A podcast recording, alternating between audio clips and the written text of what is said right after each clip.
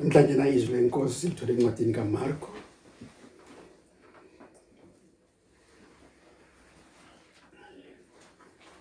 Ncwadi kaMarko. Isahluko yesesi. Esesine. Sifunda indima yamashumi amathathu ananhlanu. Sime kwamashumi amane ananye. Marko 4 verse 35 to 41. Marko 4 verse 35 to 41. Sesiyafunda ke. Ngalolu suku sekuhlwile. Wathi kubo asiwele siye ngaphesheya. Base bemukisa is- isixuku bahamba naye. Njengalokhu ebesemkhunjini kwakukhona neminye imikhumbi ihambisana naye. Kwase kuvuka isivunguvungu esikhulu somoya. Amaze aphonseka phakathi emkhunjini. Umkhumbi waze waqala ukucwe ukugcwala kepha yena wayengasemuva emkhunjini elele. Esicamelweni bamvusa bathi kuye mfundisi awunaki. Nakuba sibhuba na? Wayesevuka wakhuza umoya wathi kulo ulwandle thula uthi du. Kwanqamuka umoya kwase ku kwase kuba khona kwase kuba khona ukuthula okukhulu. Wathi kubo yini ukuba nesabe kangaka na? Yini ukuba ninge ningabi ukukholwa na? Basaba ngokwesaba okukhulu. Bathi omunye komunye kanti ubani lo? Ungubani lokhu nomoya nolwandle? kuyamlalela baba izwi lakho. Namhlanje na sizokhonza kule nkonzo. Sifuna wena ukhulume enhlizweni zethu. Siqonde ukuthi kanti ngubani othobisa konke phansi kwamandla akho. Sibusise semakhaya ethu. Sibusise nabantwana bethu. Sibusise sesinesikhathi singakwazi ukuhlanganyela nabanye. Kodwa yibani abazalwane bonke? Abalalela lelizwi lakho bakhonzi bebandla lakho nasemhlabeni wonke lapho izwi lakho lizofinyelela khona.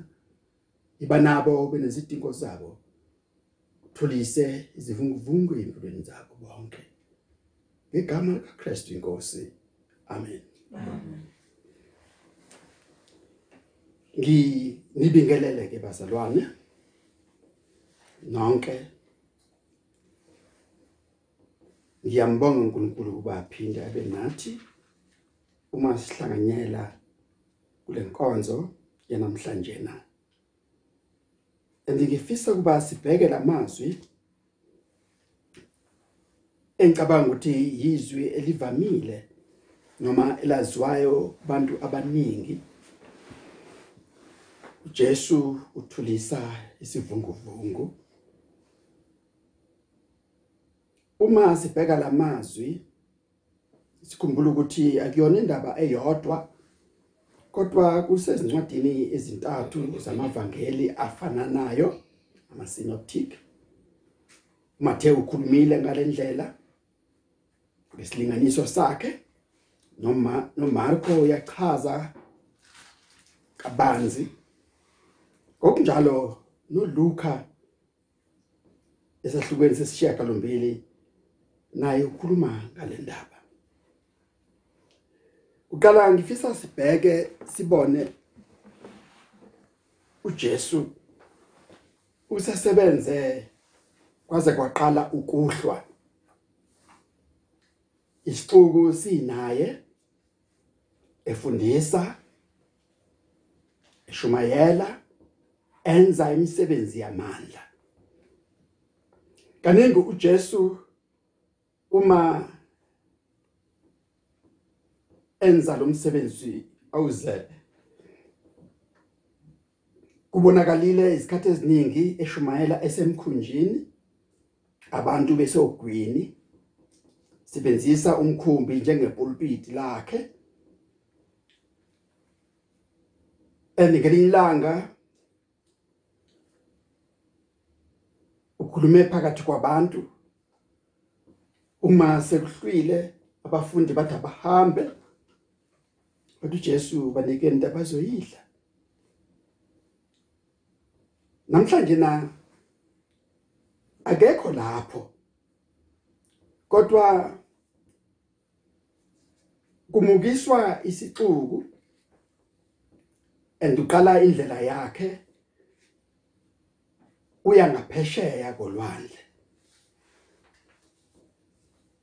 Andi la besifunda khona sifunde ukuthi ngesikhathi esemuka neminye imikhumbi yamlandela. Okuveza ukuthi wongewona umkhumbi wakhe wodwa owukhona khona abantu abalandela ababefisa ukuba lapho uJesu ekhona. Uma sebesimukisile isixuku neminye imikhumbi iyaqhubeka iyalandela endi baya ngalapho uJesu ekhona. uJesu uma eqeda ukungena emkhunjini uMarko uthi uya ngasemuva endi mayefika ngasemuva uyalala. Kuze kuzelele ukuthi wathatha umcamelo waqamela walala. Njengomuntu obekhathazekile noma okhathele obesebenza usuku lonke uthola isikhathi sokuphumula. Lebala walala. Uma elele uJesu emkhumbini khona isehlo esenzekayo.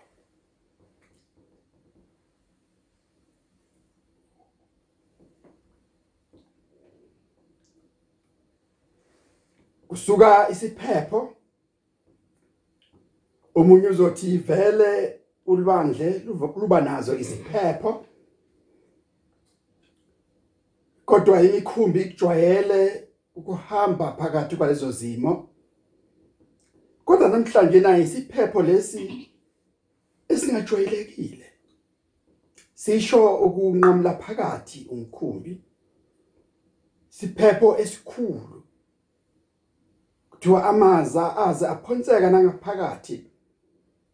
Umkhumbi washo ukuzeka. Wacishe wazika.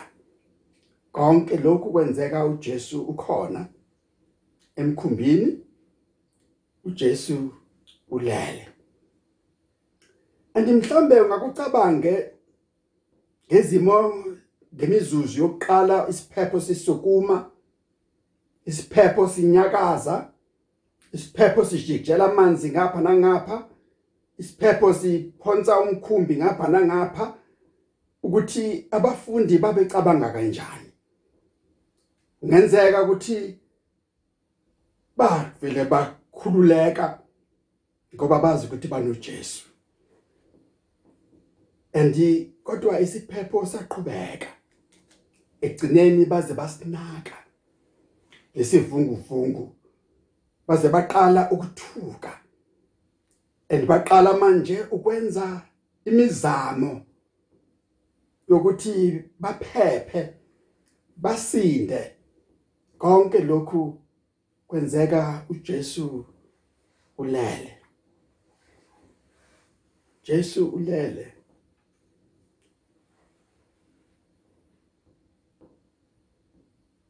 Bayahlukumezeka. Basengozini yokufa. Basengozini yokuzika.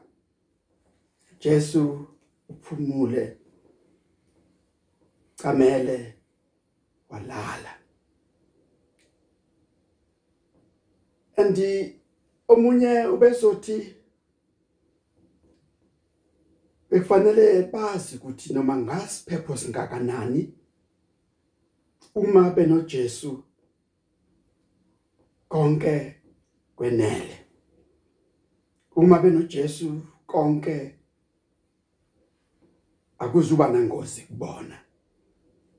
Kungenzeka futhi ukuthi uJesu njengosimakade noNkulunkulu nomsindisi ubesazi isimo endefisa ukubona ukuthi bazokwenza njani abalandeli bakhe especially abafundi bakhe.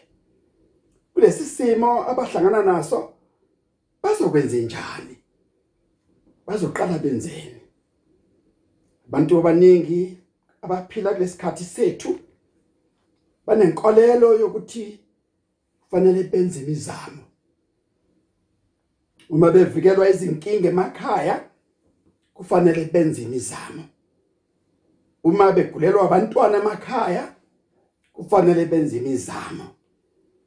Uma kwenzeka amabhadi noma izinhlakelele bahlaba izimbuzi baqhize iziphandla ngoba bethi fanele benze imizamo. Abanye baze bashumele kanjalo bethi uJesu usiza abazisizayo. Ake sibone lapha ukuthi imizamo yabo yenze njani. Imizamo yabo iphumelele na? Imizamo yabo ibasizile na? Kodwa bahlabelela kahle ukuthi imizamo iyophela uma sifika kuwe. Sonto kwesinye isikhathi ibandla likaJesu liba sezimweni ezinjalo. Lapho lihlaselwa imimoya. Ngaba imimoya yamadimoni ngabe imimoya elihlaphula phakathi elenze libe maqembu qembu ngabe imimoya eyenza ukuthi kuphele ukukholwa kulona nakubaholi balo. Ibandla likaJesu izikhathi ngezikhathi liba sesimweni lapho lihlaseleka khona istorm isivunguvungu sokuphila isivunguvungu sesikhathi. Kodwa lokho ukulenza ukuthi lingabi isonto lika Kristu kwakufanele baqiniseke ukuthi inkosi ikhona njoba uIsaya chapter 45 verse 15 uthi impela unguNkulunkulu ozifihlayo. Ezinkingeni zethu usuke khona. Efuna ukubona ukuma kwethu ukuthi senze njani.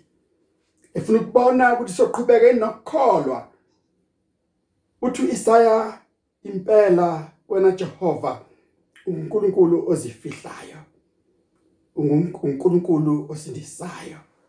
Kodwa ekuzifihleni kwakhe akusho ukuthi akekho akusho ukuthi akanamandla.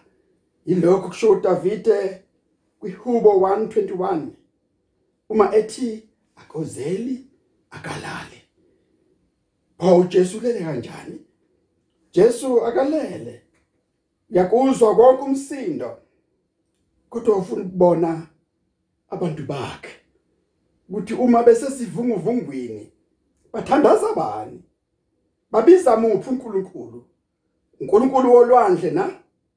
uNkulunkulu wamatilosi ayihamba noJona abathandaza kuye bakunikela kulo ulwandle bakhonza kulo idimoni lolwandle balahle impahla zabo. Labafundi bathandaza bani?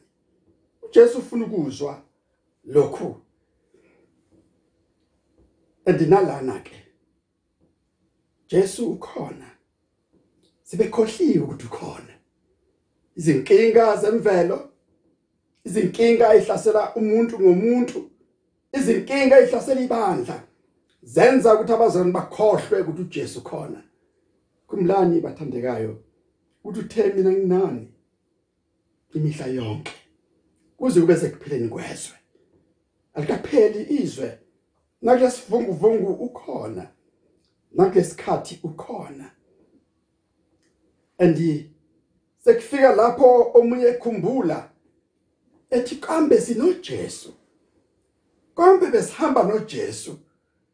Kungenzeka ukuthi neminye imkhumbi ngalana ebilandela kanye naye iseyinkingeni efanayo kodwa babheke lona ohamba noJesu ukuthi uJesu uzokwenzani enkingeni?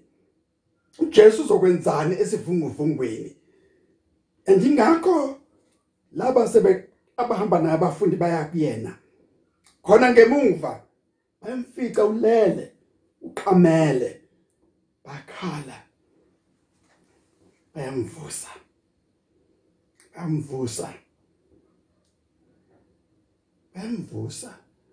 Andi uMatteo ubeka kahle indaba yakhe ukuthi bamvusa kanjani. Sangathi uMarko uyiveza ukuthi ayimvusa ngeenga awunaki. Nkosi awunaki. Mfundisi awunaki. Noma sesifa awunaki. Indlela abamvusa ngayo gcwele ukuthuka gcwele ukudinwa futhi. Nkosi awunaki. Ukhona usemkhumbini uhamba nabo kodwa ulele. Ulele. Awunaki noma sesibhubha. Awunaki.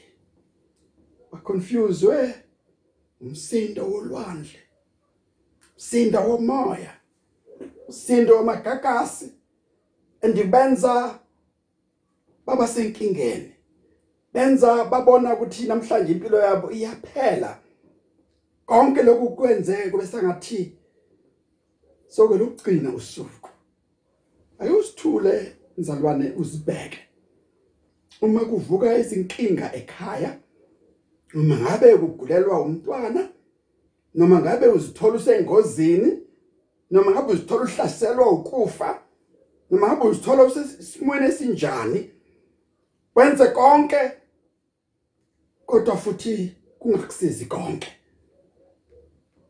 Gcina ukhohliwe ukuthi uhamba noJesu. Gcina ukhohliwe ukuthi khona uJesu owamamkelayo wabe inkosi khona uJesu owathembisa ukuthi uzoba nawe isikhathi sonke. Khona uJesu okufanele akulwele izimpi zakho zonke. Khona uJesu kufanele akunqobele. Sukhohliwe. Kwesisikhathi impi iyadida. Impi imenza umuntu akhohlwe. Impi nesimo nesivunguvungu sokuphila. Senze kubese ngathi inkosi ayikho. Andi ingakho emvusa Nkosi awunaki. Amthethisa Nkosi enganaki. Angikusho lokubazalwane ukuthi izindlela zokuthandaza nokukhuleka azifani. Thandaza komuntu okhululekileyo nokuthandaza komuntu osengxakini thandaza komuntu ohleli phansi enkonzweni yangesonto thandaza komuntu ozikhulekela ehleli kwakhe kungonakele lutho. Nokuthandaza komuntu ohlaselekile ofuna ukubona amandla kaNkuluNkulu futhi ufuna ukuwabona manje. Lo muntu uza kuNkulunkulu ethetha ngoba ulindele okukhulu kuNkulunkulu wakhe. Lokho kusho ungakholwa nokungabi nam nokungamethembi uNkulunkulu. Kodwa kusho kumthandaza ngesikhathi esithile ngenxaki ethile nalana benze njalo.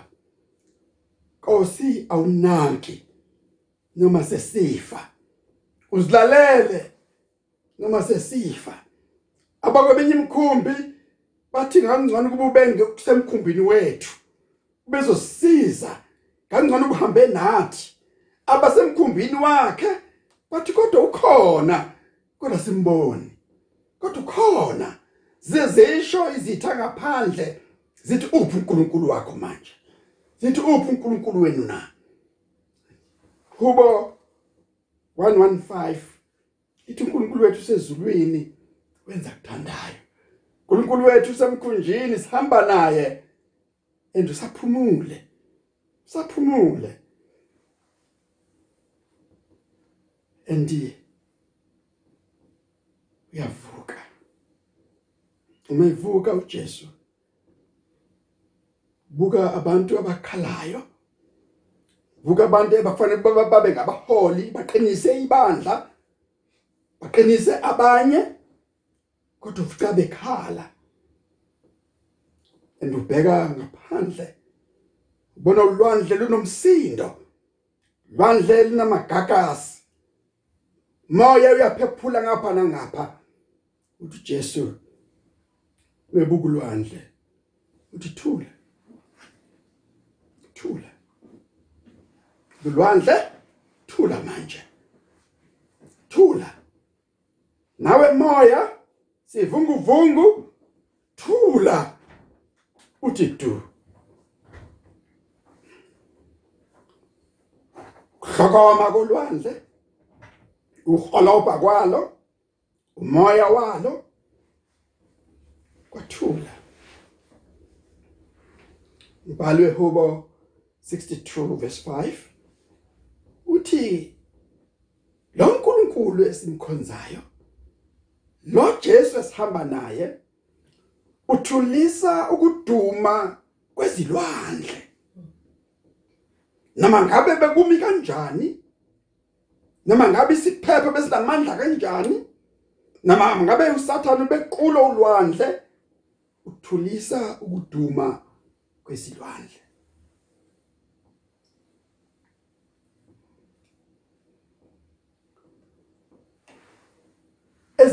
Ulwandle oluhlokomayo ulwandle olunamandla ulwandle lunomsindo Jesu uthulisa lo msindo. Jehova uthulisa ukuhlokoma nokuholoba kwemifula emukisayo. uJehova uphakeme. uJehova unamandla kunokuholoba kwamanzi amaningi. Jehova unamandla unesishingishane nesiphepho nesunami engakanani. Tsunami esempilweni yakho. Isivunguvungu esempilweni yakho. Isivunguvungu esisekhaya lakho. Isivunguvungu esendaweni yosebenza kuyona. Isivunguvungu esiphakathi kwabantwana bakho. Kodwa uNkulunkulu uyakwazi ukusithulisa. Ngakho umunye ehlabelela lapho izivunguvungu zifuna impilo yami. Bongizwa mangithandaza ungikhumbule Nkosi yami. Sindo osabisayo. Sindo onamandla. Sindo owenza abantu bangabi nakuthula. Kodwa kuNkulunkulu wethu uyakwazi ukuthulisa sindo ophakathi kwendoda nonkosikazi. Sindo osemshadweni. Sindo osesizweni. Sindo wokugula. Sindo wokugulelwa. Sindo wezifo. Sindo njenoma ungabe walesifo esikhona lezi nsuku. Lapho uhulumeni beyaluza bebamba ngapha nangapha nabantu befuna noma yini abangayithola bezakhumbula amakhamba asemakubo amadala ukuthi iwona zobasiza abanye bakhumbula iziwasho zabo ukuthi izona ezobasiza. Abanye bakhumbula izintambo zabo. Ukuthi kuye ukuthi bese ngiyithathile yami intambo ngayibophela esinqeni ngayinqamlisa esifubeni kube khona ukuthulayo kodwa uJehova uthulisa ukuduma. Jehova uthulisa ukuduma kolwandle. Inhlokomo yamanzi ithulisa. Jesu sukuma lana ubukulwandle. Uthi thula manje. Thula manje. Sekwenele ukumoya yothulisa uthi thula. Uthi du. Ngabusanyakaza ngokuselokuqhubeka thula. Amandla ecommand kaJesu. Amandla abusayo.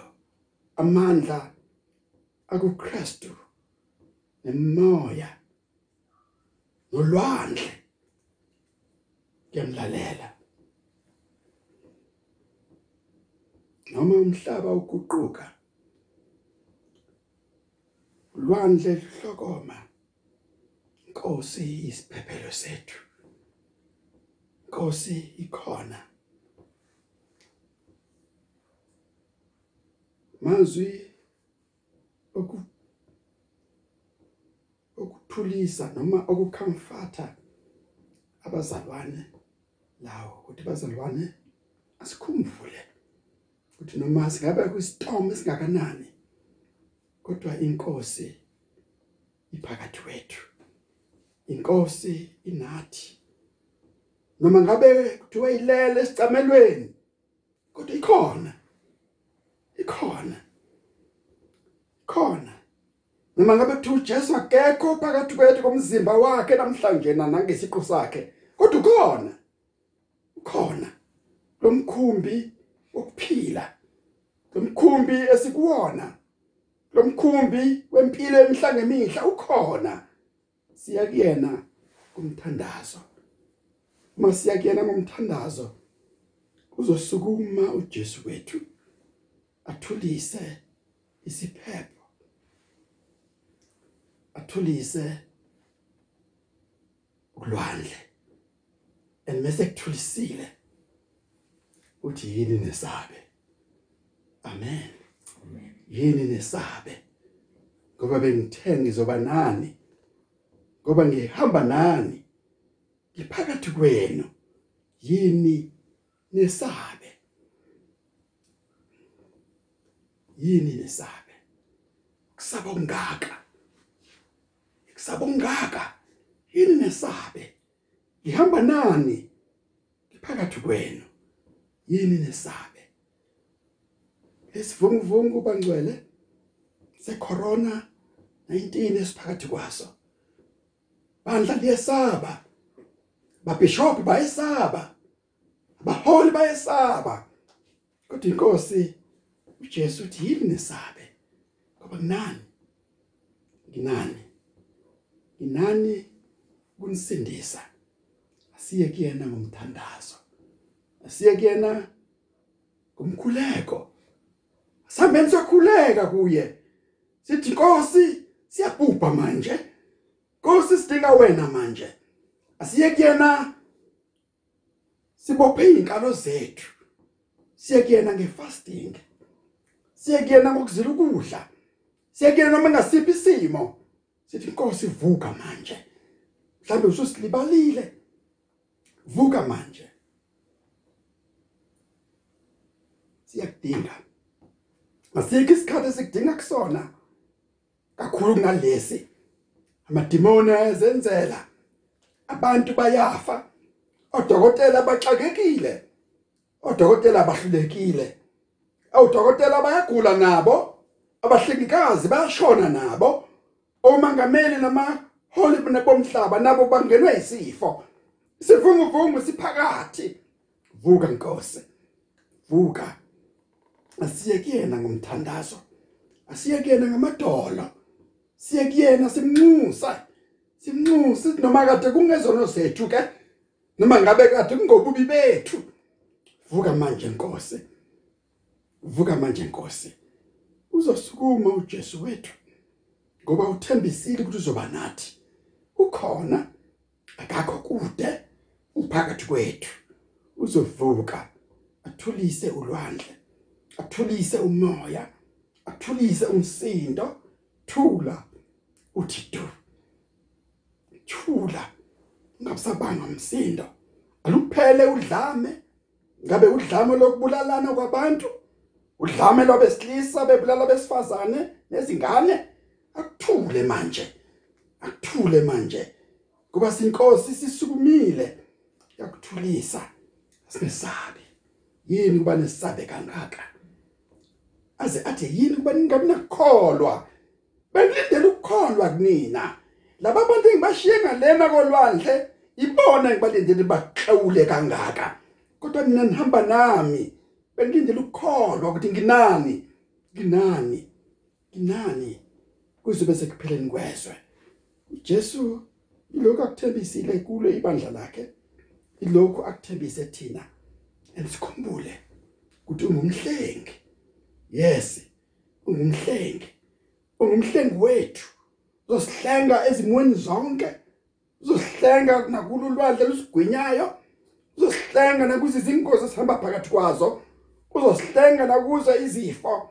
Uzosihlenga uzosihlenga phela ukuba singivuse Jesu Jesu izwa umkhuleko wethu izwa ukunxusa kwethu izwa ukukhala kwethu bese usisindisa nakulesi simo esibi. Inkosi ibe nani? Nisazohlala ngamadolo nisazokhuleka kuye. Nisazoya kuye esiqamelweni ithi inkosi vuka manje. Vuka manje. Bese sikhohliwe ukuthi ukhona. Iminako yalomhlaba isenze salibala. Ingcebo yalomhlaba isenze salibala. Imfundo yethu isenze salibala. Ama position esinawo asenze sakhohlwa nokuze enkonzweni. Sakhohlwa konje singabantwana bakaNkuluNkulu. Buyela kuwe. Njalo umhlabelelo wakithi uthi Jesu ngibuyela kuwe nabo bonke ububi bami. Ngamkele ngomsa wakho. Ususe bonke ububi bami. Namhlanje nasiye kuyena. Jesu sesiwazamile amanzi kwakhipha endlini. Sesizamile ukuzisiza sesizamile yonke imizamo yethu. Sibuyela kuwena. Ithemba lethu lokugcina sisindise nangalesikhathi Nkosi ibe nani? Amen. Siyakubonga uNkulunkulu ngokusipha uJesu. Siyakubonga ngokusipha umsindisi onathi njalo. Onke yena on and off kodwa uhlala enathi njalo. Kuphela ukuba siye kuyena ngomthandazo ukuba asisindise. Nangalesikhathi siyabiza igama lika Jesu igama liphezulu kwamagama onke igama elisindisayo. Kuthi inkosi Jesu nanti izwe nomhlaba wonke unesivunguvungu ulwandle esiphila kulona nesivunguvungu isifo siqeda abantu. Babalwa ngezinkulungwane nangamakhulu. Sebehlanganisa igidi nangaphezulu abagulayo. Nkosi vuka. Sikhathalele. Sikhathalele. Sihawukele Nkosi siyisizwe sakho. Sihawukele Nkosi isizwe sinsundu. Sihawukele Nkosi singabantu abampofu. Sihawukele Nkosi siwumhlaba wonke. Hawukela iSouth Africa nabantu bayo. Siyavuma Nkosi sikhohliwe. Sikhohliwe ukuthi ukhona. Sikhohliwe ukuthi sihamba nawe. Sikhohliwe sacabanga ukuthi ulele. Kanti izwi lakho lisitshela ukuthi awezeli wena ulali. Kuphela ufuna ukuzwa thina sikumemeza. Siyamemeza ke manje iba nabantu bonke. Iba nesizwe sonke. Iba nabantu abakumemezayo iba nabakholwayo. Iba nomhlaba. Iba nesizwe esinsundu.